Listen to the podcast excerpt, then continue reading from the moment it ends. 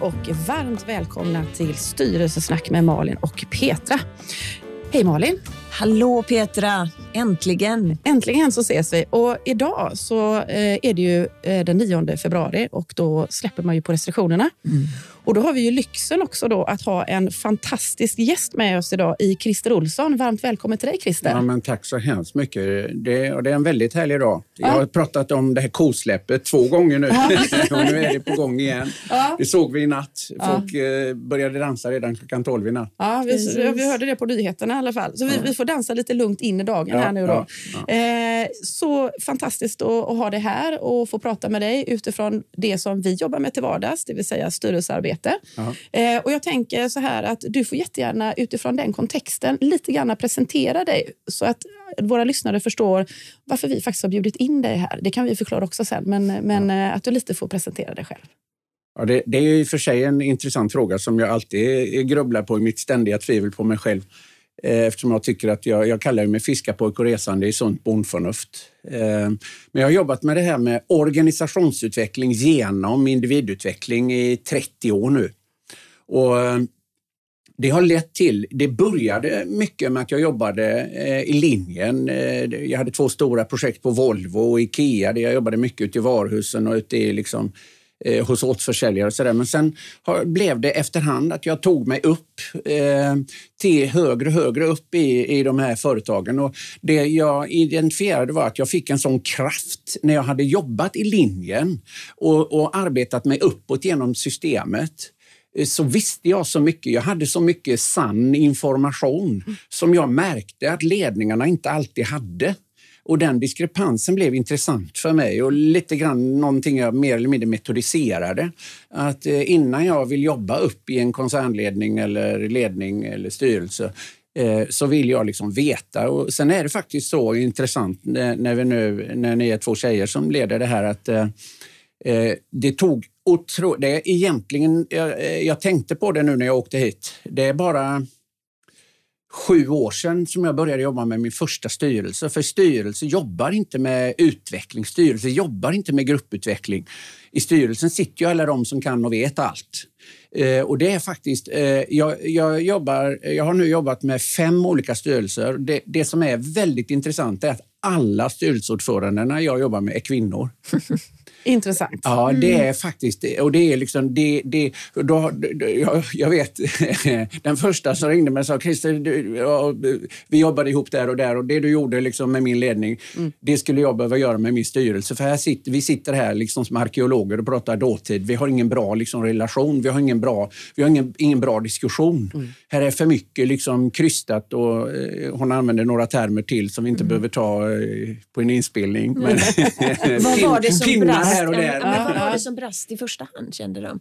Var det, liksom det här som du säger, tilliten? Det var för mycket rollspel. Mm. Okay. För mycket påfåglar, för mycket rollspel, för lite sann dialog mm. och sårbarhet. Ja. Men då är jag lite nyfiken, om du ändå liksom är inne på den berättelsen som du ändå har och där du noterar då att de här ordförandena är kvinnor. Ja. Eh, vad är din reflektion kring varför är det bara kvinnor som då tar in en sån person som dig och reflekterar över detta och vill göra skillnad och, och ändra på det? Ja, nu, nu, nu riskerar jag att, att eh, begå harakiri här eh, eftersom det ju inte är någon skillnad officiellt på män och kvinnor. Eh, men om jag utgår från gamla förutfattade meningar så mm. ansågs kvinnor vara mer relationsorienterade mm. än män. Män ansågs mer sakorienterade, sak, fakta, data. Medan kvinnor var liksom både och. Mm. Ju. Annars kan du inte göra karriär. Mm. Eh, och det, min erfarenhet var väldigt länge och är väldigt länge, även om det är fortfarande kontroversiellt att påstå, mm. att många kvinnliga ledare jag jobbar med har eh, en större förmåga att ha båda bollarna i luften samtidigt. Den ena datadrivna, faktadrivna, men också den relationella. Mm. Sen har jag många män jag jobbar med. Alltså det, jag är ju med på idén om att det finns kvinnor som är manligare än män och män som är kvinnligare än kvinnor. Mm. Men pratar vi, det, mm. alltså för mig är det ju ingen tillfällighet att mm. det bara är kvinnor. Mm. Eh, även om det är som sagt Men du, då, då, var det ju, um, om, om de här exemplen, så, så ja. var det primärt att få få en dynamik i ja. gruppen där ja. i styrelserummet. Ja. Det andra som du sa när du, du beskriver dig själv, uppfattade jag rätt eller fel då, är ju också i en organisation att att förstå vad som verkligen händer där ja. ute. Yes. Det var det jag uppfattade ja. att du mm. sa, att innan jag kommer upp i den här koncernledningen så ja. måste jag förstå, hur, hur kan, kan en styrelse känna av vad som händer där ute? Vet du vad? Eh, en av de här bolagen vi pratar om är mm. ett mycket stort norskt företag som jag jobbar med. Eh, där kom jag och ordföranden överens om att eh, man hade, många i ledamöter hade inte, de hade meriterats dit eh, av andra erfarenheter och det är ju en viktig funktion. Mm. Men vi konstaterade att det var några ledamöter som, som eh, hon upplevde inte hade koll på verksamheten. Så vi, en del av vårt program var att verkligen skapa ett eh, erfarenhetsgenererande praktikantprogram för styrelsen mm. ut i organisationen, att ut för att förstå. För det, det är ju någonstans, jag pratar mycket om att för, för att förstå måste man ha förstått. Mm. Det. Och det är också så att för att få tilltro i organisationen och få verkningsgrad i våra beslut. När organisationen förstår att vi förstår, mm. då lyssnar de på oss. Mm.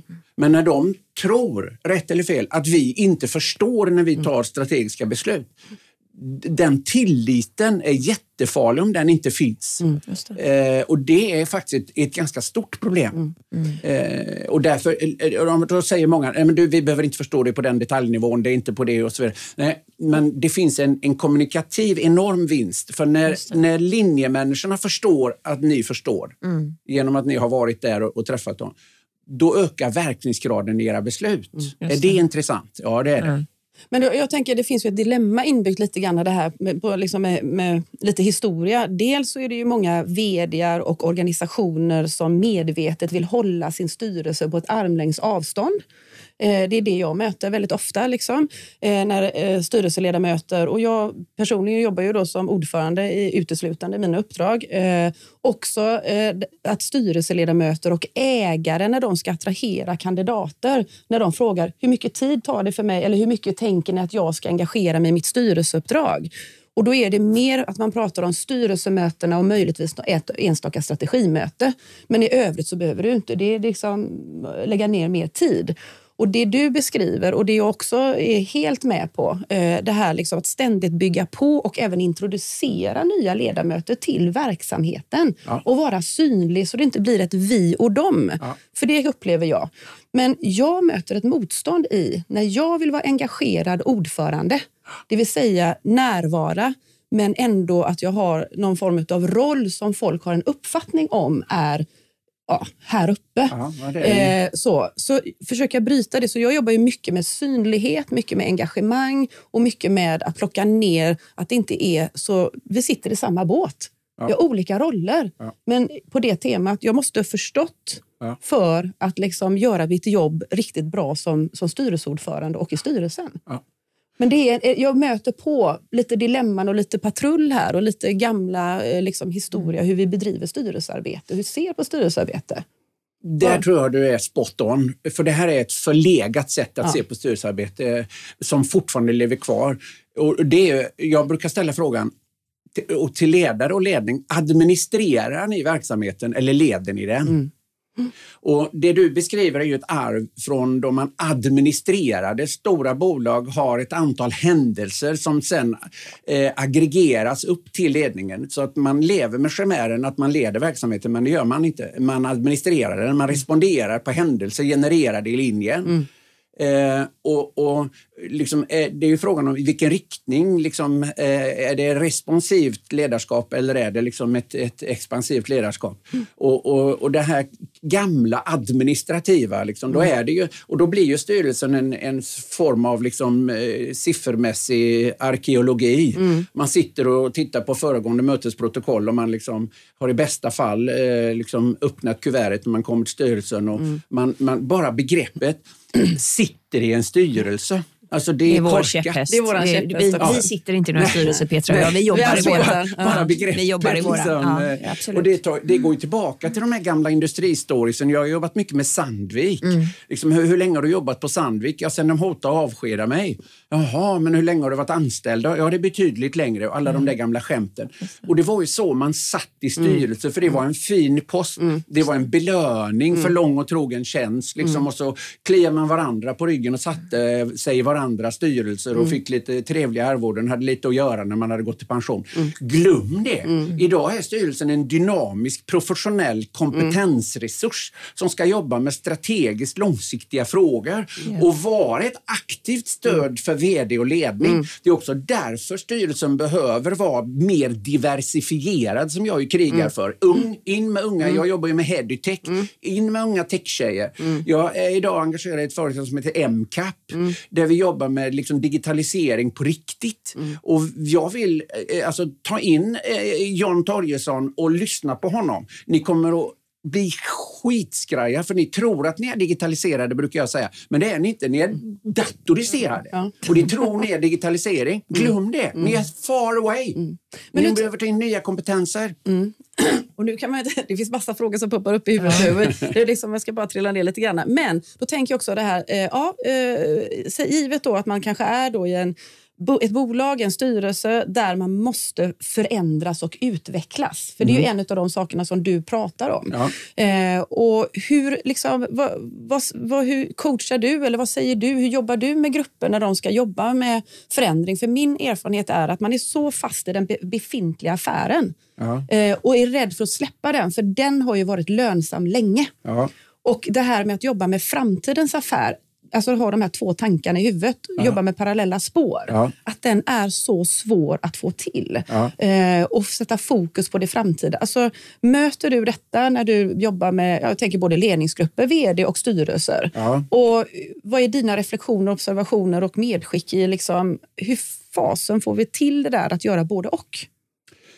Det ena är ju just att ha en, en riktigt... Alltså jag, I alla bolag jag har jobbat på hög nivå nu under pandemin har jag ökat kravet på omvärldsbevakning.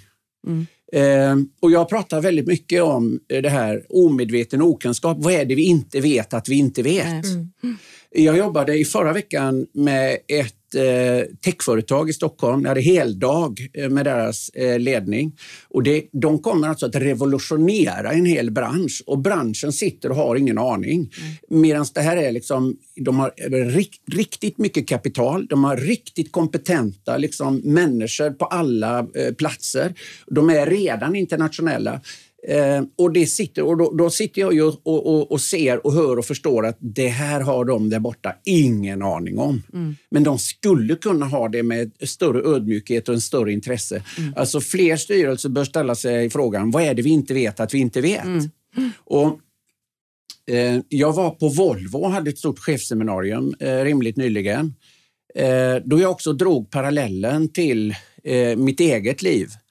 Eh, min fru gick ju bort eh, den 7 september i en olycka. Hon drabbades av en, en stroke och föll i en trappa hemma och, och förolyckades. Jag var i Oslo och föreläste just för Norges Bank faktiskt.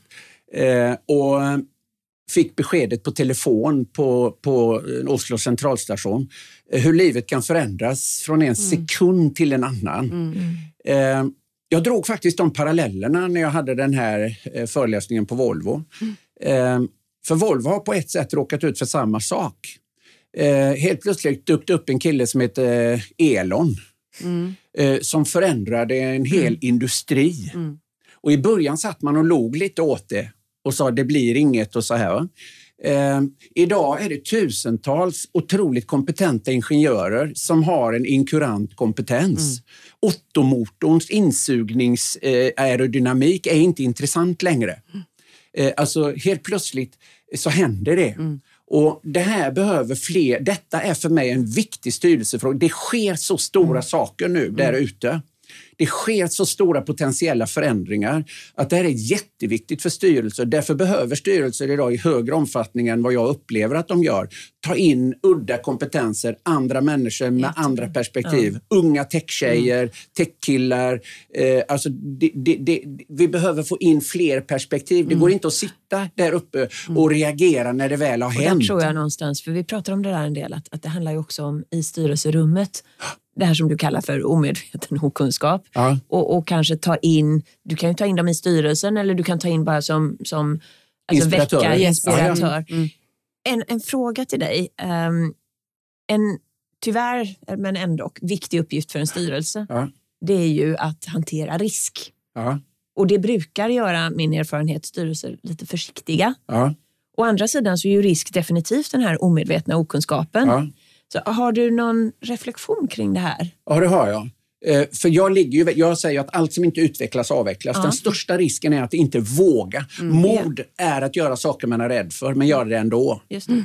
Eh, är man inte rädd när man genomför vissa beslut så är man på sin höjd korkad, brukar jag mm. säga. Eh, och, och, Det krävs mod idag.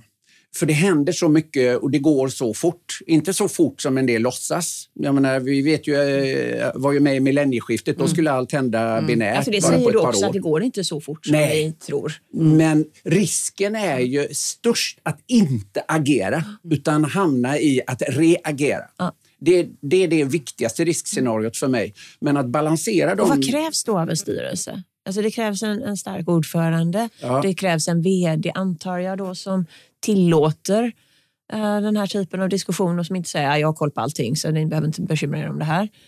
Uh, det, vet du vad, det, det, är inte konstigare. Det är ju det att vi har gjort styrelserummet till någon hokus pokus-plats. Mm. Uh, och det låter så magiskt. Mm jag är ganska jag är fiskarpojke och resan i sunt förnuft. Och det är det de här tjejerna jag har jobbat med har konstaterat att vi skulle behöva få in mycket mer av den tanken och känslan i den här gruppen. Mm. Alltså grundlagen, och det vet ju alla ni som lyssnar för ni är någonstans, har kommit en bra bit i er karriär och, och liv och erfarenhet eh, så vet ni att grundlagen i att få en grupp att vara en grupp, det är psykologisk trygghet. Yeah. Alltså all forskning landar i samma slutsats. Definitionen är psykologisk trygghet. Varför behöver vi psykologisk trygghet? Jo, för då vågar vi ta konflikter. Mm. mm. Och konflikter är viktiga i beslutsfattande. Mm. Eh, och det här är någonting jag är ärligt talat livrädd för just nu. För när jag gick på universitetet då fick jag lära min Hegel. Mm. Tes, antites, mm. syntes.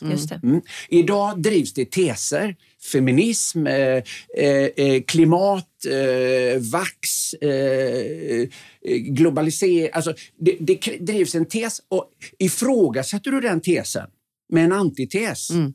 då är du foliehatt. Och jag är livrädd för det. Det är en väldigt ointellektuellt förhållningssätt som håller på att smygas in och jag korsar flera vd som säger jag är livrädd för att säga någonting nu, för säger mm. man fel så hamnar man ju på löpet direkt. Mm. Och Det här är väldigt obehagligt. Mm och lurigt när styrelser och högre beslutsfattare börjar bli lite rädda för att inte ha rätt politisk uppfattning eller rätt mm. liksom, åsikt, åsikt, för dagen. Mm. Mm. Eh, vi måste våga vara Vi måste våga liksom, i en styrelse förhålla oss. Tänk om det är tvärtom. Ska vi göra det här? Tänk om inte... Tänk, alltså att våga tänka, liksom ha mm. den här psykologiska tryggheten. Att man, ja, och det bygger på tryggheten. Yes. Att man vågar. Men jag, men jag tänker här, för en, en dilemma som också bygger in i detta, eller som vi har i detta. Det är ju, nu, nu kan vi ha liksom börsnoterade bolag där vi har liksom en annan typ av tillsättning av styrelser och sen har vi de privata bolagen där liksom vi har ägare som ska då vara de som sammansätter styrelserna. Aha. Och ägare, ofta, eller grundare till bolag, ja, men de är duktiga i sin profession, börjar med en idé, de har ju inte funderat över kanske ja, jag ska kunna ekonomi och strategi jag ska tillsätta folk i styrelsen när bolaget växer. Så att de är ju inte alltid kanske så kunniga på det som vi pratar om. Ja, men hur ska jag sätta ihop den här styrelsen? Alltså jag måste få säga emot dig lite Petra där. Mm. För jag, jag, känner någonstans att nej, men jag tror tillbaka till vad Christer säger. Att det är mer rädslan än okunskapen som hindrar. Jo, för det är klart att de förstår eller att man förstår. Nej, att men vad jag menar när du sammansätter styrelsen har och har de här olika kompetenserna, att du ja. också ser på den. Alltså att kunna ha en, en grupp eller också en ordförande som tillåter, ja. som kan låsa upp de här krafterna, som kan liksom förstå vad man behöver Absolut. och jobba med. Och det är klart att väljer du då en, en ordförande som kanske mer sitter i en styrelse och kanske är väldigt duktig på det här teatern, det här spelet, det formella, Frågan är vad det blir för styrelsearbete då. Absolut. Så, så just tillbaka till ägare behöver reflektera över det som vi pratar ja, om här. Ja. Då, så att mm. styrelsesammansättningen blir får den förutsättningen. Mm. Det är mer ja. det jag tänker på. Mm. Ett stort problem som jag stöter på jättefrekvent, gjorde det så sent som jag har varit i Stockholm en vecka nu och jobbat i ett, an, i ett antal företag. Och då, då mötte jag en entreprenör eh, som eh, eh, stolt berättade om sin styrelse. Och den sitter där och den sitter där och den sitter mm. Okej, okay, och då frågade jag, eh, jätteintressant, eh, hur tillför de kompetens till din verksamhet? Mm. Uh, nej men du vet, det är bra namn. Jaha, uh, är, det, är det det du har? Liksom, bra namn för vad då i din mm. verksamhet? Det, jag ser ingen koppling mellan tillverkare av de produkterna, jag ska inte säga det för det, då blir det så uppenbart vem det är då. Mm. Tillverkare av den produkten och din verksamhet. Men jag förstår att det är ett intressant namn och jag kan också gärna eh, vilja prata med den personen. Mm. Men eh, jag, det är samma när jag pratar kapitalanskaffning. Se till att få kompetent kapital. Mm att, att få inkompetent kapital är livsfarligt, säger jag för många entreprenörer. Mm. mm. För de är så rädda om sina pengar och de kommer att sätta tummen i ögat på dig och kommer att lägga sig i det här för de kan inte. Och mm. de kommer att ställa fel krav för att skydda sina pengar. Mm. Och du kommer att bedriva en... Alltså, tar du in kapital, ta in kompetent kapital. Mm. Kapital som förstår din verksamhet. Eh, en fråga som jag hade med mig som jag jättegärna vill liksom, eh, lyssna in med dig på det är ju det här med att styrelsen eh, i all vår välvilja så träffas ju inte vi dagligen. Vi träffas ju mer sällan och vi är förmodligen i, tillhör flera grupperingar. Liksom, och det är bra det. Ja, ja, du får ja. jättegärna liksom, reflektera över det här med liksom, hur, hur är det bra, är det mindre bra? Hur ska man då jobba med den här gruppen och det här förtroendet och den här psykologiska liksom, Eh, tryggheten för, ja. i gruppen. Och där är det också det att då går man, ju, man, man kanske jobbar tillsammans i två, tre år och sen byts någon ut och kommer in. Och, alltså, och vi har ju inte så mycket att säga till om, även om vi kan liksom, eh, prata med valberedningar och bli utfrågade och allting sånt här. Då, vilka vi får som styrelsekompisar eh, så småningom. Då. Så jag är jättenyfiken när du säger bra det, när vi ses så sällan. Vad är det som är bra med det? Jo, för att ledningsgruppen i företaget ska leda företaget. Mm. Vi får hålla isär rollerna ja. menar jag. Mm. Att en styrelse ska heller inte förväxlas med en ledningsgrupp mm. Eh, och bli för operativ. Då tappar jag ju den funktionaliteten. Utan det finns en viss... Liksom, eh, eh, att man, det är lite grann samma som jag när jag eh, jobbar med ledningsgrupper eller styrelser eller andra företag. Då är jag ur och jobbar med en massa andra saker, får in, intryck av, av en massa andra och så kommer jag in och så, då ser jag nya saker. Alltså, man blir lätt hemmablind i en ledningsgrupp till exempel. Mm. Det är det som är fördelen med att få in någon utifrån. Men vänta ett ser ni inte det här? Det är ju uppenbart. Mm. Nej, det gör vi faktiskt inte. Mm. Skojar ni? Mm. Eh, och det är det som är idén med att få in liksom någon utifrån som med friska ögon eh, ser. Sen, sen, sen, tror jag jag skulle väldigt gärna eh, eh, eh, vilja få in ett perspektiv i det här som, som jag gör med de här styrelserna jag jobbar med och som vi sällan gör. Jag har jobbat med grupputveckling i, i 30 år i organisationer. Jag, har gjort, jag brukar säga att jag, jag har gjort alla såna här vuxendagisövningar du kan fantisera om. Gått på kol, klättrat i träd, mänskliga pyramider, paddlat i kajaker, åkt ribb till förbannelse, eh, flottar och surströmming och, och ishotell och allt sånt. Och psykologiska övningar. Vem ska få bo i hyreshuset? Alltså jag har gjort alla såna här övningar. Jag har slutat med det. Det finns en enda övning jag har kvar när jag jobbar med grupputveckling. Blir det en grupp av de där sociala aktiviteterna? Nej, det är trevligt. Och ja, man lär känna varandra lite grann. Men det finns en övning som jag, så sent som faktiskt igår, hade jag mitt andra möte med en otroligt expansiv verksamhet i Norrköping faktiskt. Som jag var i Norrköping igår, hade heldag med ledningsgruppen för andra dagen. För första dagen, då la vi det på en fördjupad personkännedom. Mm. mm. Alltså att lära mm. känna varandra på riktigt. Mm. Jag har ju i 20 år ställt frågan, känner ni varandra eller känner ni bara till varandra? Mm. Jobbar ni tillsammans eller jobbar ni bara samtidigt? Mm. Och väldigt många styrelser är någonstans just arketypen på att man känner till varandra eh, och man jobbar samtidigt, men man jobbar inte tillsammans. Man mm. sätter sig inte ner liksom i det här. Nu, nu sitter vi i samma båt, nu rår vi den här båten och är, hur ska vi mm. på ett optimalt sätt? Eh, och man, man lä, lägger inte tid på att lära känna varandra. Mm. Och man lägger inte tid på att träna, mm. eh, på att funka. Mm. Och med risk för att bli lite filosofisk i det så, så skulle jag vilja lägga till egentligen att det är väldigt många som inte känner sig själva. Eh, och det är svårt att låta andra lära känna en om man inte känner yes. sig själv. Jajamän. Och sen kan det vara många som känner sig själva men faktiskt inte vill släppa in andra. Så att, lite grann hur och, och då kan det hindras av mm. om man inte ses så ofta. Hur, hur ska man släppa andra in på livet där? Ja. Eh, hur, hur gör man? Ja, träffas och lära mm. känna. Mm. Alltså, jag, och lite grann också skapa möten, alltså ha med sig den här faktorn. Mm. Jag har en, en ganska eh, härlig erfarenhet. Jag blev kontaktad av ett av våra absolut största företag. Eh, i det här fallet eh, så gällde det koncernledningen som var alldeles för stor för övrigt. Eh, men då skulle jag eh, komma och träffa dem och det är alltså ett av våra tio största bolag. Söndag. De skulle ha eh, koncernledningsmöte. VDn, en väldigt eh, profilerad person, hade bjudit in mig. Jag skulle, jag skulle jobba med just grupputveckling. Jag hade fått en timma på mig. Vi var på Skridskopalatset utan, i Stockholm. Ja, jättefina, mm. jättefin miljö och så här. Eh, och jag tackade ja, för jag, jag, jag ska ta chansen att sända ett budskap. Jag hade en timma på mig. Vi behöver bli bättre eh, och fungera bättre som grupp. Eh, 10 till 11 får du, Christer. Eh, kanon. och det här var en söndag. Eh, på onsdag skulle landslaget spela. Eh, och då frågar, när jag kliver in där så frågar jag dem. Eh, det är ju så här, ni är ju landslaget i den här verksamheten. Eh, jag får fråga er en sak. På onsdag spelade landslaget. Då var Hamren eh, mm. Eh, coach. Eh, landslaget är ju de bästa svenskarna i hela världen. De kommer från Spanien, England, Italien, Tyskland, Sverige och så vidare. vad skulle ni tycka om eh, Hamrén sa vi har match på onsdag klockan sju. Jag vill att ni kommer klockan sex så vi kan gå igenom eh, vår strategi och få kläder och sådär. Och så, så kom i god tid. Jag vill att ni är där klockan sex. Vad skulle ni tycka om Hamrén om han drog in liksom dem klockan sex och så är det match klockan sju? Ja, det vore, ja, så tycker de, ja, men det är en retorisk fråga, du kan mm. besvara den själv. Mm. Men så det var det någon som ändå artigt svarade, ja, men det vore ju väldigt oproffsigt, väldigt kompetent.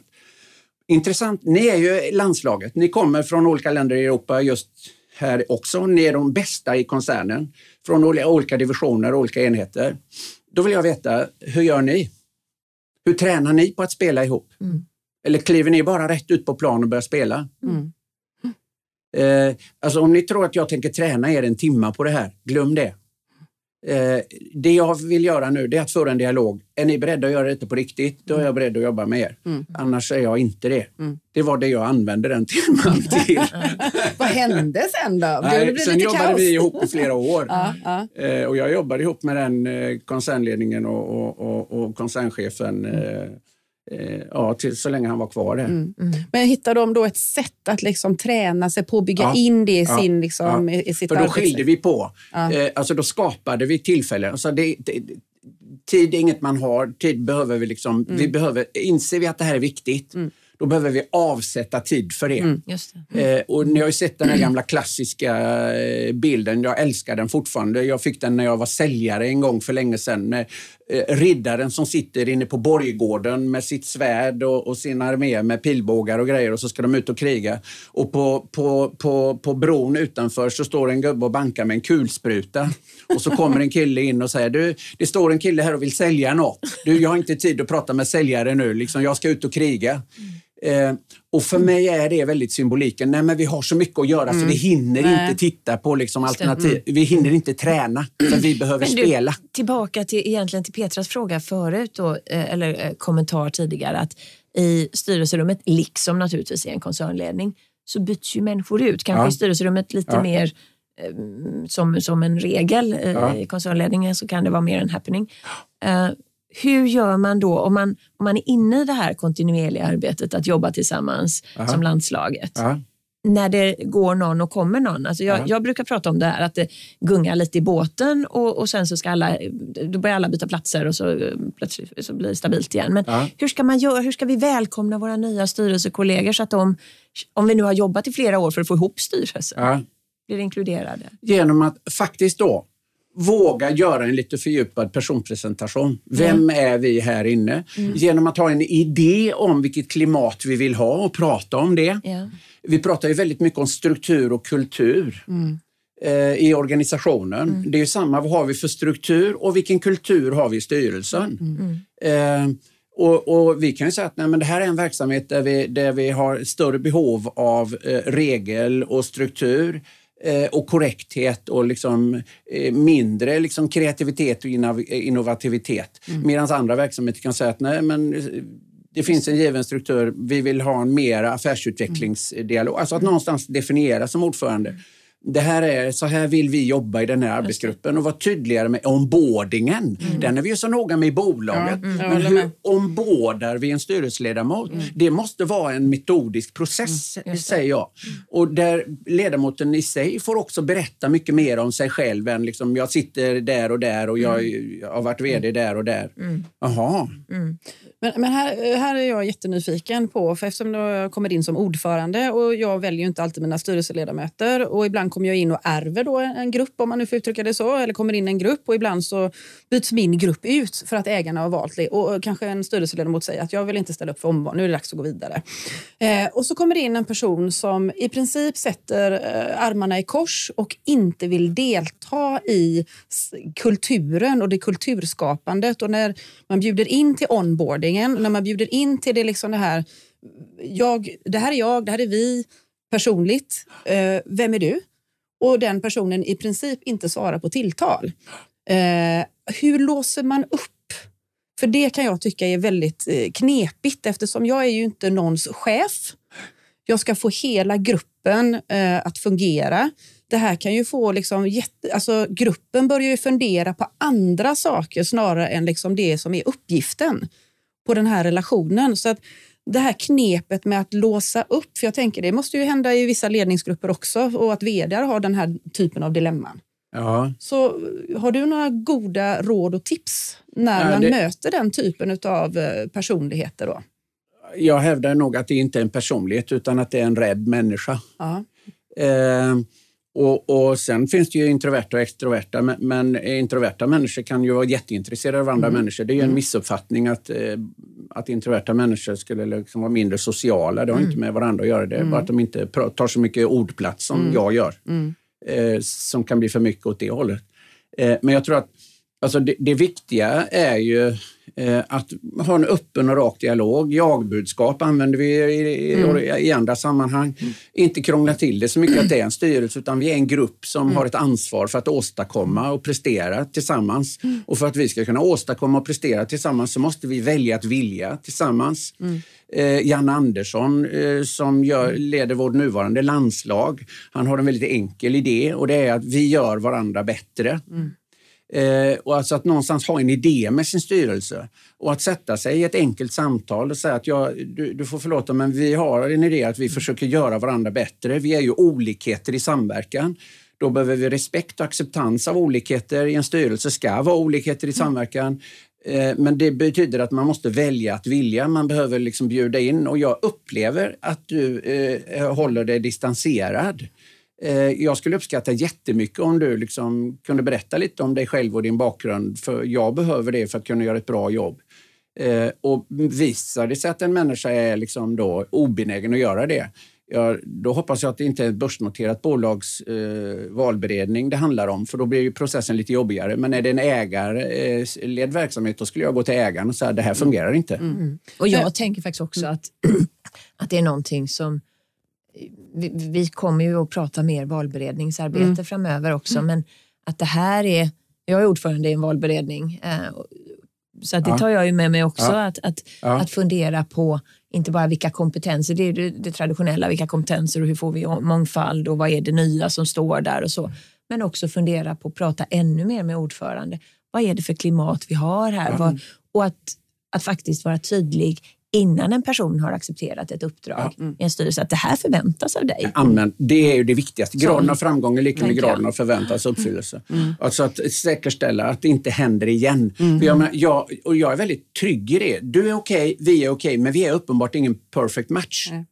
Att, var inte så rädd för liksom, att outa det. Sitt mm. inte tre år med någon liksom, och vilken jädra tur, äntligen blev vi av med mm. henne och honom. Men, men sen så tänker jag så här, eh, två saker som jag tänker detta. När man möter personer, vissa personer one-on-one on one, så kan de öppna upp sig. Ja. Och så tänker man då att nej, men nu har vi ju liksom hittat den här. Det känns bra när vi går ifrån det samtalet. Det känns som att vi, har liksom, eh, vi är på speaking terms med varandra. Ja. Och sen går du in i gruppen.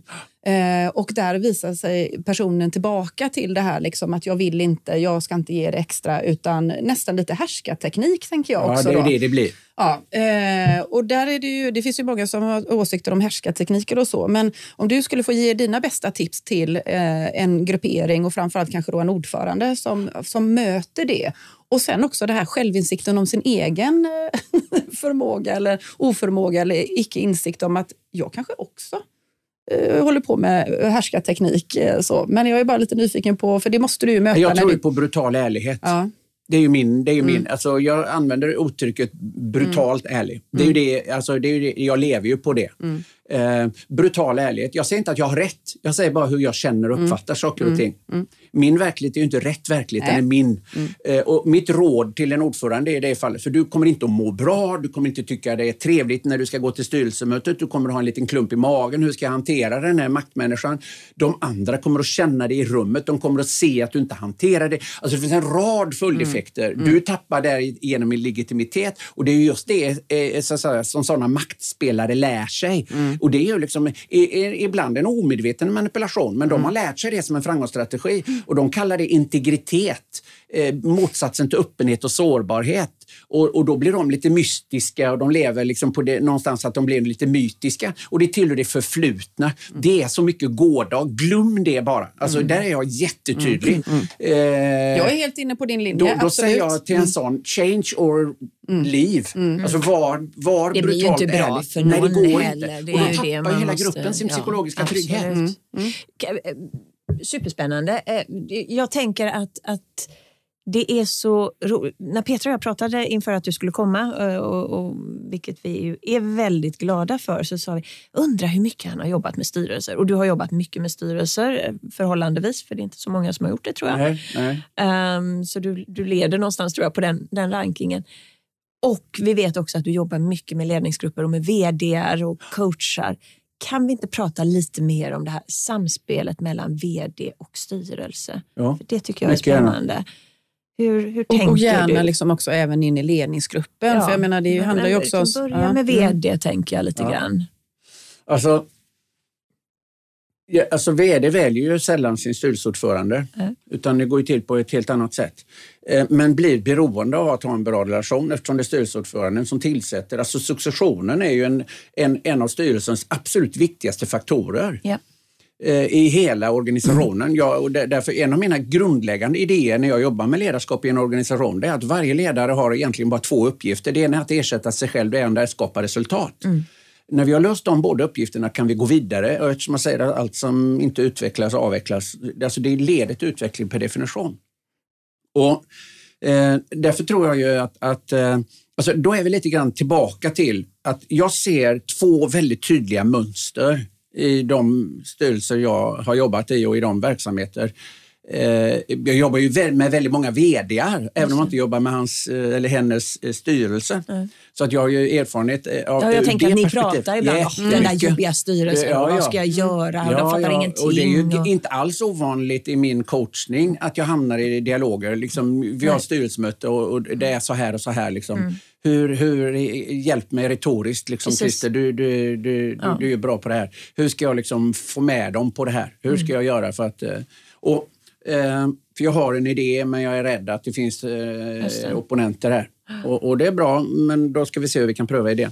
Och, men jag ser två typer. Det ena är den här dynamiska styrelsen som ser sig som ett liksom, strategiskt komplement och som vill verka för att utveckla verksamheten, som engagerar sig i verksamheten och som, som, som kan och förstår och vill vara ett bollplank till VD och vill liksom ser den här liksom, dimensionen mellan strategisk nivå och taktisk nivå. Eh, och prata liksom lite klartext om det. Eh, jobbar ihop. Jag vet när, när jag fick mitt egna första liksom, eh, vd-jobb, jag hade en mentor. Eh, och då sa han till mig, eh, Christer, sa du är alldeles för dålig på att lydda. Okej. Eh, men vad menar du? För på den tiden, liksom då, strax under 30, eh, ja men jag, ska, jag vill ju leda. Ja men just det, men du, du, nu ska du bli VD, eller hur? Ja. Vad betyder VD? Det betyder verkställande direktör, eller hur? Mm, just det, det är en människa som verkställer andras fattade beslut. Det är ett yrke. Och det är därur många av er har hört mig prata om att jag älskar min fru till 80 procent, älskade Carina till 80 procent och resten har jag bestämt mig att acceptera. Mm. Eh, det är ur den eh, symboliken och metodiken som jag hämtade. För jag, då pratade, på den tiden pratade jag väldigt mycket om att en VD måste gilla minst 70 procent av de besluten som hen ska verkställa. Mm. Det gäller alla ledare. Mm. Sen måste du acceptera att 30 procent har någon annan fattat beslut mm. som ditt yrke är att verkställa andras fattade beslut. Det. det. är en del av jobbet, en del av rollen. Jobbar jag i offentlig verksamhet kan jag le leva i en politi politikerstyrd organisation där jag ska verkställa massor av beslut mm, mm. som jag egentligen inte stödjer politiskt. Så det där är ett, en, ett, ett, en psykologi vi behöver prata mycket mer om. Mm. Eh, så att, men det är de två dimensionerna vi behöver prata om. Är, är det här liksom en, en, jobbar vi tillsammans yeah. och jag verkställer det styrelsen beslutar? Eller är det det mer traditionella klassiska administrativa styrelsen? Det här ska upp till styrelsen ungefär för bedömning mm. och för liksom mm. information. Och sen ska styrelsen jobba med... Alltså så sätter det här vi, har inte jag mandat, ja, så här måste jag ha. Exakt. Det blir ett rundningsmärke. Ja, och den styrelsen blir ju ofta liksom, ja så ska vi göra en ny strategisk plan, en ny affär, mm. som blir bara en, en lite vidareutveckling på det som redan det. finns. Mm. Den, den blir ganska statisk och inte dynamisk hävdar jag ju då. Mm. Och det är två, för mig är det två helt olika system. Det ena mm. är vi jobbar tillsammans, det andra är vi jobbar eh, mm. samtidigt. Och det tycker jag är, är, vi ska verkligen ta med mig de här 70 procent. Den andra dimensionen tycker jag och där jag som styrelseledamot och som arbetande i, i rätt många styrelser ser, alltså jag känner ju direkt när en VD är trygg. Ja. För, eh, för, för då vågar han vara sårbar. Ja, Hon. men precis. Ja.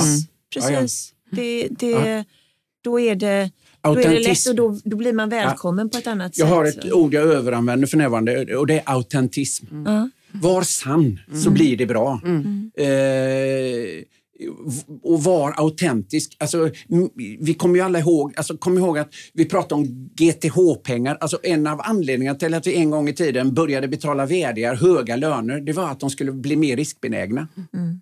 Om vi tänker på hur historieboken faktiskt ser ut. Jag har varit med ett tag. Mm.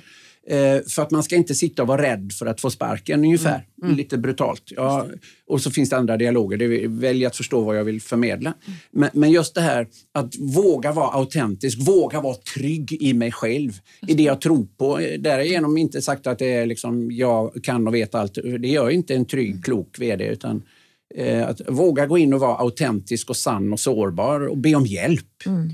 Men, men här tänker jag också att ordföranden har ju en viktig roll där att skapa den här liksom tryggheten och, och eh, alltså motivera vd till den här transparensen och va, våga liksom säga men det går kanske inte riktigt som vi har tänkt oss. Alla de här nyckeltalen eller mål eller de här som vi, för, vi har förutsatt oss, det är inte bara på rulle. Det, händer, det, det, har hänt grejer och, och, att man är ärlig med sin styrelse. Men det är också väldigt mycket samspel mellan vd och ordförande, tänker jag. Mm. Att om en ordförande i, sin, i sitt möte med vd mellan styrelsemöten är mer bestraffande eh, i den dialogen än stimulerande till att men jag vill ju höra sanningen. Jag vill ju veta, förstå.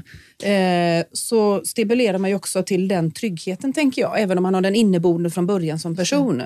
Mm. Även vi som är trygga i oss själva i våra professioner. Det är klart att eh, vi möter ju situationer där man själv liksom blir lite ta några steg tillbaka kanske bara för att vi vill förstå liksom, vad är det som händer här innan man går in och även om man kanske känner, jag vet mm. ungefär vad jag... Det här, det här är, det vi är på nu är en av de viktigaste frågorna.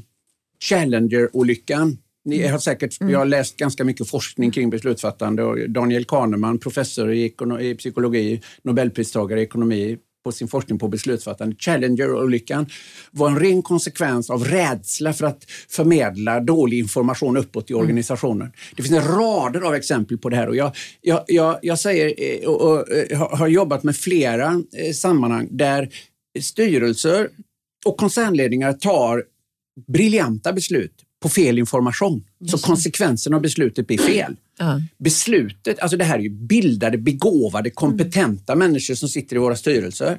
De tar kloka och bra beslut. Men inte sällan på fel information. Mm. Mm. Och har jag fel information så blir ju beslutet fel. Mm. Eh, och eh, jag får fel information om det finns rädsla, prestige mm.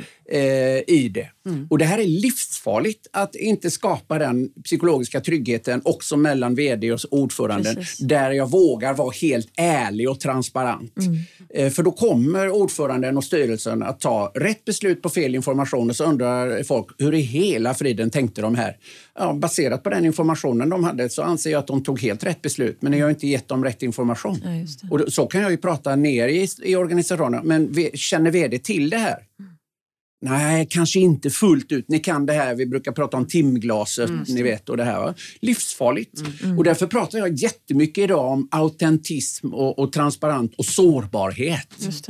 Eh, för och vi då är får man ju idag. in det här som du var inne på tidigare, som är viktigt för en styrelse men där det ändå finns en balansgång för styrelsen är inte där dagligdags och ska inte vara där dagligdags. Nej. Nej. Och då blir ju vd och ledningsgrupp och övriga i bolaget de blir ju viktiga budbärare för ja. att berätta hur det verkligen står till i ja, bolaget. Den verkliga verkligheten. Ja, hur Ja. Hur gör man? En löpande dialog och att mm. ordföranden har en mer löpande dialog med VD. Mm. Eh, och för, också, krångla inte till det, det är mitt huvudbudskap alltid. Mm. Krångla inte till det, gör det inte till något hokus pokus utan liksom det är alldeles som, idag finns det mycket otrygghet, alldeles för många säger jag ju, krånglar till alldeles för mycket, mm. alldeles för ofta, alldeles i onödan. Mm.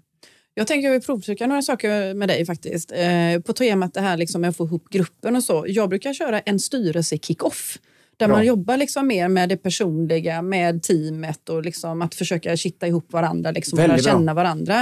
Eh, det är en grej som jag jobbar med. En annan grej som jag jobbar med när det gäller omvärldsbevakning det är ju att varje ledamot kör sin omvärlds, omvärldsspaningar eh, och gör en analys på det och bär med sig det in som en uppgift in till styrelsemöten för att Brilliant. berika det som kommer inifrån bolaget och deras ja. betittande eftersom vi finns i kanske flera sammanhang. Eh, och en tredje sak som jag brukar göra, eller som vi brukar göra, det är att bjuda in gäster till styrelsemötena. Och det kan ju vara personer inifrån den egna organisationen, inte bara ledningsgruppen, så att vi får andra kontaktytor, andra röster. Mycket bra. Eh, eller gäster utifrån kunder kan det också vara. och sådär. Sen när vi har nya medarbetare eh, så brukar vi köra efter tre månader så får de komma till styrelsen. Kanske inte alla, det beror lite grann på storlek på bolag, men i alla fall i ledande befattning komma till styrelsen och göra sina 100 dagars reflektioner. När de väldigt, med sina, eh, alla liksom... de här liksom- sakerna du har borde vara givna för alla att göra. Mm. Ja, då har vi fått lite check på...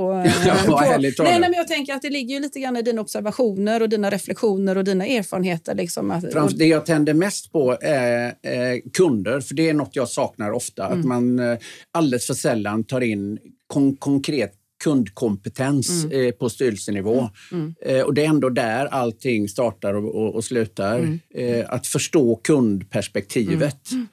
Eh, i flera dimensioner. Mm. Eh, kanske inte alltid bara ta dit kundens VD utan kanske ta dit andra liksom, brukare av våra liksom, tjänster eller produkter. Mm. Mm. Och där är faktiskt som, som en, en, replik på det, och det kan vi ha pratat om tidigare, men när jag har med mig en, en, erfarenhet också från min operativa tid, att, att, att bjuda in och ställa frågor till kunder. Ja.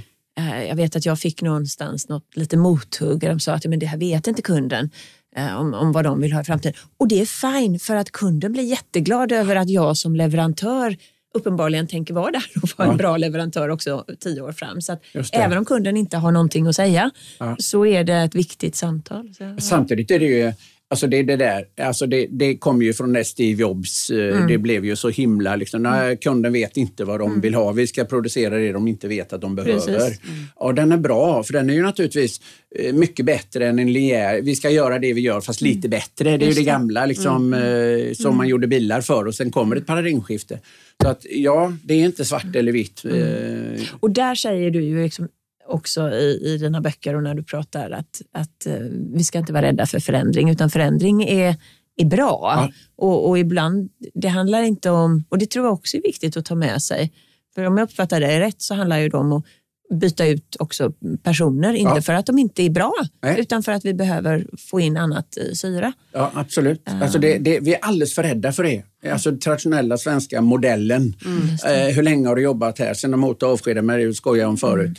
Liksom evighetsanställningar.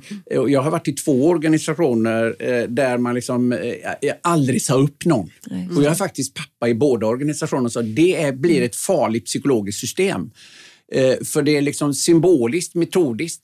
Alltså, vi måste liksom förstå att konsekvenserna, alltså rent filosofiskt, Eh, så, så eh, i Adam och Eva-ögonblicket i vår hjärnas utveckling, för det är så jag liksom tittar på eh, de berättelserna. Där skedde den evolutionära punkten där människan fick sin fria vilja och det sin berättelsen blir Adam och Eva och så åt vi av äpplet. Ja, där fick vi vår fria vilja. Och från den punkten så är vi ansvariga för våra handlingar och vi har alltid liksom ett fritt val. Eh, och det är ju det liksom som, som någonstans blir konsekvensen, att, att, att också ta det ansvaret, göra det fria valet och inse att, att ingenting är för evigt. Utan du är bra, vi är bra, men nu är vi färdiga med varandra. Det är samma för mig som konsult. Mm. Att vi vågar vara ärliga. Liksom. Jag känner inte att jag tillför någonting längre, säger jag när jag känner så med en ledningsgrupp eller en VD. Mm. Ja, men jag vill nog fortsätta ha relationer för jag vill, du känner mig och liksom träffa skiten fläkten så vill jag ha dig, sa en VD faktiskt mm. nu efter jul. För jag sa ärligt talat, jag tycker inte jag, jag känner inte att du får välja för money nu, säger jag till honom. Mm. Och då sa han liksom att nej, nej, men det är trevliga samtal och det räcker för mig tills vidare. Och jag mm. vet att eh, blir det problem, då vill jag ha dig vid min sida. Mm. Eh, så det, det, är det okej okay för dig så vill jag gärna fortsätta att träffas. Mm. Men alltså att båda parter känner att nej, nu tillför vi varandra inte värde längre. Och det är odramatiskt. Precis som du säger, du är mm. okej, okay, jag är mm. okej, okay, men vi är ingen perfect match längre. Mm. Det måste vi ha en öppnare samtal om, mm. avdramatisera det. Mm. Men jag tänker också att det är ju någonting som man kan prata med om när man går in, alltså att man har det som en approach, eh, liksom typ som att vi ska vara brutalt ärliga med varandra. Det vill säga att det är så att vi ska syresätta organisationen både på styrelsenivå, på vd-nivå och ledningsgruppsnivå över tid. Att det är en approach, det är en attityd ja, vi har. Ja. Då, är det, då, blir, då liksom, tar man ju ändå, även om inte man kanske vill det vid det tillfället när det, när det är dags, så, så vet man om det, att det har varit en förutsättning för att jag är här. Ja. Eh, att man är öppen med det. Men jag upplever precis som, som lite grann som du säger, att det här med att det är många ägare eh, som tar in, eh, kanske kompisar då, och sen när de, ska, de tycker att de inte liksom tillför någonting, då lägger de till en till istället ja. för att plocka ut den. Eller ja, ta för det är någon. lite känsligt Ja, det är lite känsligt och, och så här då. Va? Så, att, så kan man ju också råka ut för, mm. Så, lite tufft så. Men jag tänker på det här med um, storlek på grupper. Uh, om vi nu tar, för ledningsgrupp är ju liksom en gruppering och, och styrelsen en annan gruppering. Vad, uh, vad har du för tankar och reflektioner där? Liksom? Eh, de är ganska kontroversiella kan jag säga. I sin historiska kontext jag är väldigt evolutionärbiologisk, evolutionärpsykologisk. En grupp är per historisk definition sju personer. Mm. Alltså en grupp är sju plus minus två personer. Färre än, än, än fem är två par. Fler än nio är två grupper. Eh, så att någonstans där faktiskt. Mm. Sen vet jag ju att vi sällan håller det, men pratar vi grupp och gruppdynamik mm. så går någon övre gräns vid nio personer. Mm. Sen blir det väldigt lätt eh, grupperingar. Eh, och det är inte en grupp längre. Och då blir det ju, för det är ju precis det som man lärde sig i skolboken, fem ja. till åtta är det jag har i huvudet, ja. att det, ja. var den optimala gruppen. Ja. Och då, kanske inte så mycket i en styrelse, men, men i alla fall i en ledningsgrupp är ju risken, eftersom vi ändå organiserar oss i den här optimala gruppen, att det då blir A och B-lag i, i koncernledningen eller i en ledningsgrupp. Och det tycker jag kan kännas lite För När det blir stora grupper så har både ni och jag erfarenhet av att då skapar man ofta ett exekutivt, exekutivt råd. Eller liksom, ja. Eh, då, och då blir det ju direkt... Och då, då blir ju, och för då, det ställer jag också frågan, är ni en informationsgrupp eller en beslut? Leder ni, är ni en ledningsgrupp eller en informationsgrupp? Mm. Ja, egentligen så är det, alltså det är nog, ofta så är det liksom, det är nog Kristina och liksom hennes, eh, hon har två stycken och de brukar ta beslut. Mm. Eh, och sen liksom, vi diskuterar ju många frågor. Så, ja, men känner ni i magen att ni tar beslut? Eh, för jag pratar ju väldigt mycket om struktur och kultur. Och, och, kultur för mig, har jag, jag använder inte kulturbegreppet längre. Utan jag pratar, alltså jag har en formel, S gånger K är lika med organisatorisk attraktivitet och operationell effektivitet. Och K i den formen är idag känslor. Mm. Eh, för det är det som är att vara människa. Mm. Känslan av trygghet, legitimitet, eh, att bli lyssnad på att bli sedd och bekräftad, känna sig behövd, känna liksom frihet eller känsla av otrygghet, spel, elefanten i rummet, politik, rollspel, hierarki. Alltså det, det, det, det sitter i magen, det sitter inte i hjärnan. Intellektuellt står alla rätt instruktioner och så vidare.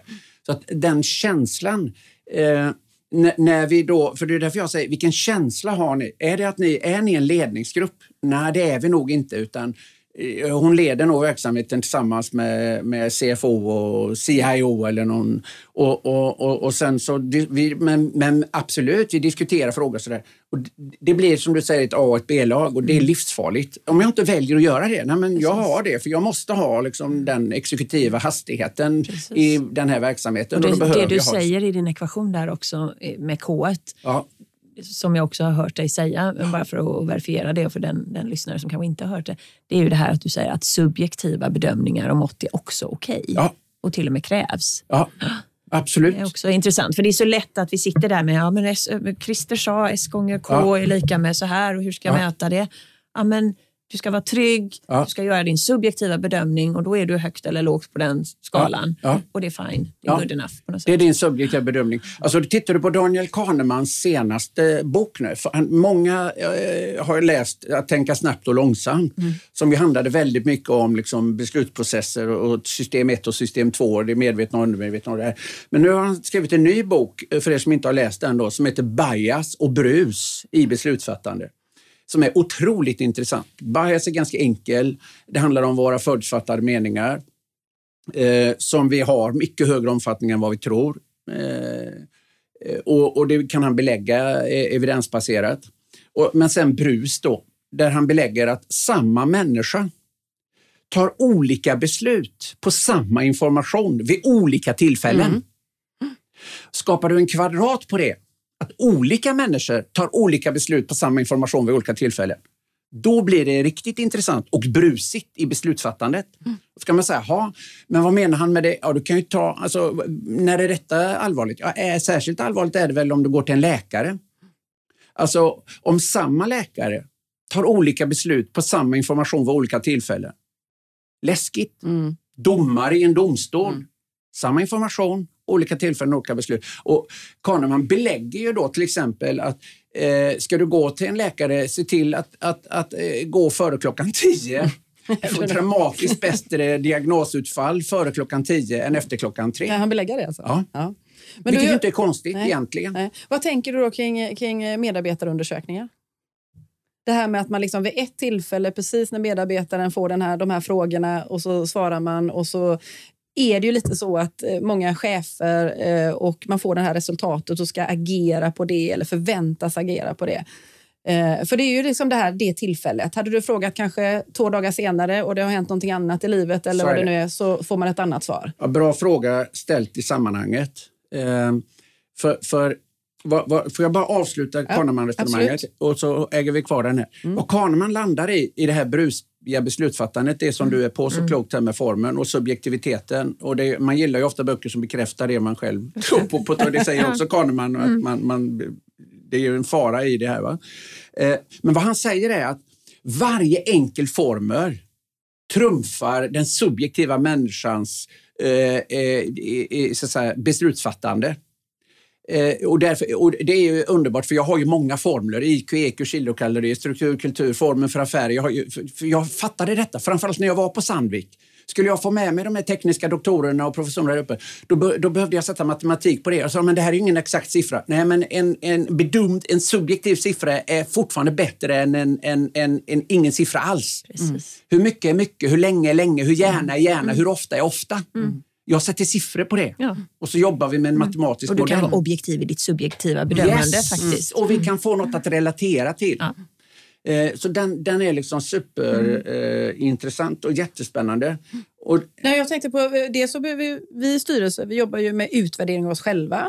Eh, vi jobbar med utvärdering av ja, VD. Mm. Men sen pratar jag även om medarbetarundersökningar ja, ja, för att de kommer nej, också upp på styrelsebordet när Åh jäklar, nu är det dåliga siffror här eller det, det som ger signaler till styrelsen att eh, organisationen mår inte bra och allt vad det nu är för någonting. Och hur man hur man då ska tolka det. Då. Några jobbar ju med kanske eh, medarbetarundersökningar en gång per år och andra jobbar ju med de här lite mer snabbare, eh, kanske varannan vecka eller vad det nu kan vara för någonting när man slussar ut eh, olika typer av ja, frågor. Ja. Och så ska man ju förväntas agera på det, för det är ju, där, det är en temperaturmätare. Ja, och det skapar ju förväntningar. Ja. Har du ställt en fråga så förväntar ju sig den som svarar att du ska mm. agera på svaret, annars är det ju meningslöst att svara. Men då tänker jag och då måste i... du få svaret rätt så yes. snabbt så du inte får det ett halvår senare. Ja, nej, men precis. Va? Men då, det, det, för det här pratar man ju ganska mycket om, liksom, i alla fall som ordförande med en VD. Och hur ska man tolka de här signalerna, den här temperaturen, när folk kanske då eh, känner, är i ett olika, olika känslostadier när man svarar. Ja. Och hur mycket ska vi precis gå detta på det? man pratar om. Ja. Men, det är eh, mycket ja. brus i en sån ja. studie. Mm. Därför tror jag inte så mycket på dem. Jag är väldigt kritisk till dem. Jag tror ju på det coachande ledarskapet. Mm. En coach sitter inte ute under läktaren och så eh, ställer en fråga sen. Liksom, hur var det att spela match och vad står det? Det står 3-0 och det här var skit. Mm. Eh, ja, men då ska ni göra så här. Alltså en coach är vid sidan av plan. Mm. Ett aktivt ledarskap. För det här mm. handlar om, eh, återigen, orsak och verkan. Hur leder vi verksamheten? Har vi närvarande ledare, chefer? Sen en annan term som jag jobbar väldigt mycket med. Nu är det 2022.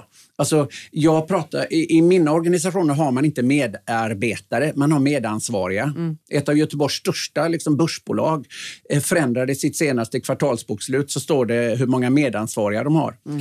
Eh, mm. Eh, och då kan man tycka att ja, det här är bara semantik. Mm, jag älskar det också semantik, jag hatar det också semantik. Får mm. ganska dramatisk effekt, effekt när det sägs på allvar. Mm. Mm. och med mening. Mm. Eh, alltså att gå från att ha medarbetare till att ha medansvariga. Vi betalar människor hundratusentals kronor i lön mm. och har rätt att förvänta att de ska ta ett medansvar. Mm. Jag är huvudansvarig men du är medansvarig. Eh, och vi behöver ligga närmare i ledarskapet. Mm. Och då duger inte liksom, överhuvudtaget de här undersökningarna tycker inte jag ska behövas. Det ska den närmaste chefen veta. Mm. Hur du mår och liksom, det ska inte behöva frågas i en formell liksom, app men, men då tänker jag lite grann så här då nu när vi går in i, eh, i eller när vi har varit då i covid, eh, där många har fått jobba hemma, där många chefer, jag antar att du har mött det jättemycket på ja, bordet. Ja, ja. Hur ska vi hantera folks oro? Hur ska vi hantera vårt ledarskap när vi nu liksom får, och när vi kanske ska fortsätta då eh, arbeta i hemma och ifrån varandra och, och i ledarskapet? Alltså, vad är dina reflektioner och observationer där? Vad är det för rädslor som dyker upp och vad är det för frågor du får och vad har du för tankar kring, kring det? Våga fråga.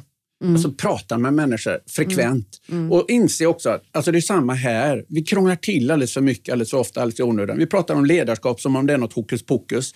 Det är det ju inte, utan vi har olika roller. Och jag, jag, jag en ledare är ju summan av sina medansvarigas produktivitet. Och en ledare har samma jobb som jag har, att hjälpa människor att må och prestera bättre i nämnd ordning och få dem att samverka i ett lag eh, att må och prestera bättre. Och när en ledare begriper att jag är inte längre mitt resultat, jag är summan av mina medansvarigas resultat, då flyttas ju fokus från mig till dem. Eh, och det är själva idén jag jobbar med mm. eh, i, i, ledarskapet. Har man fattat idén, men jag är ju beroende av deras resultat, då blir jag ju intresserad av hur de mår och hur de presterar. För om de mår bra och inte presterar, då är det mitt jobb att skilja dem från liksom det här. Mm. Eh, och presterar de och inte mår bra, det är korkat. De kommer att må dåligt, de kommer att gå sönder. Det, mm. så jag kan uttrycka det humanistiskt eller kapitalistiskt. Mm. Men när, när jag fattat de här grundidéerna som ledare, och det är det många organisationer inte gör, mm. Utan de har ledare som administrerar verksamheter hela vägen. Men när jag blir, har ett ledarskap som är aktivt, att jag vill hjälpa min organisation att må och prestera bättre i nämnd ordning, eh, då, då blir det här väldigt naturligt. Då är jag närvarande. Då spelar det ingen roll om vi jobbar digitalt eller analogt. Jag mm. ringer folk och frågar. Mm. Eh, och, och, då är det också så att då får jag ju frågan ibland, ja men Christer, eh, du säger, jag pratar om det personliga ledarskapet och där delar jag din uppfattning också när vi pratar om det här med att, att eh, Malin, att, eh, att ja, vad, vad, är det personliga ledarskapets tre P? Ja, ja det, jag leder mig. Mm. Vi pratar alldeles för mycket om jag leder andra. jag leder mig. och det är psykologins jaget och miget. Eh, jag leder mig, när jag leder mig själv, då kan jag vara personlig i mitt ledarskap. Då är vi det andra P. Eh, och så fattar jag att jag leder inte en grupp. Nu är vi där igen då, där vi börjar egentligen. Jag leder inte en grupp, jag leder en person som samverkar med en person som samverkar med en person som samverkar med en person som bildar en grupp. Människor vill inte bli sedda som delmängder i ett kollektiv. Människor vill bli sedda som unika individer och det mm. kommer att bli ännu viktigare med unga generationen som kommer in. Mm. och då är det viktigt att jag liksom ligger nära och har ett ledarskap som är anpassat till individens behov. Mm. Och det varierar över tid och uppgift.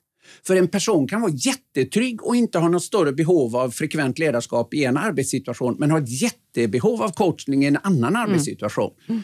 Och Därför är det liksom min absoluta övertygelse och ambition när jag jobbar med ledarskap i organisationer att få dem att begripa att ligga nära och sen krångla inte till det. För då får jag ju frågan ibland, ja men hur ska man veta hur de vill bli ledda?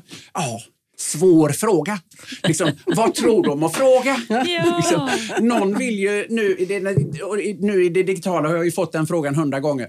Liksom, eh, men fråga dem. Mm. Någon vill berätta varje dag för de har dåligt samvete för att de har fikat hemma. De sitter hemma och mår dåligt för att de är hemma. Och de har varit och hämtat barnen på arbetstid. De behöver berätta för dig på eftermiddagen vad de har gjort. Då får du bara ta det, tugga i dig det, lyssna på det. Och någon annan säger, och, så, och då är det ju en del chefer, ja, fan, jag, ska, jag ska ringa alla varje dag. Nej, det ska du inte. För då är det någon som har du kontrollbehov? Liksom, jag ringer dig när jag är färdig. Vi är olika, vi har olika behov. Fatta! Det är liksom det, är det här som är ledarskap.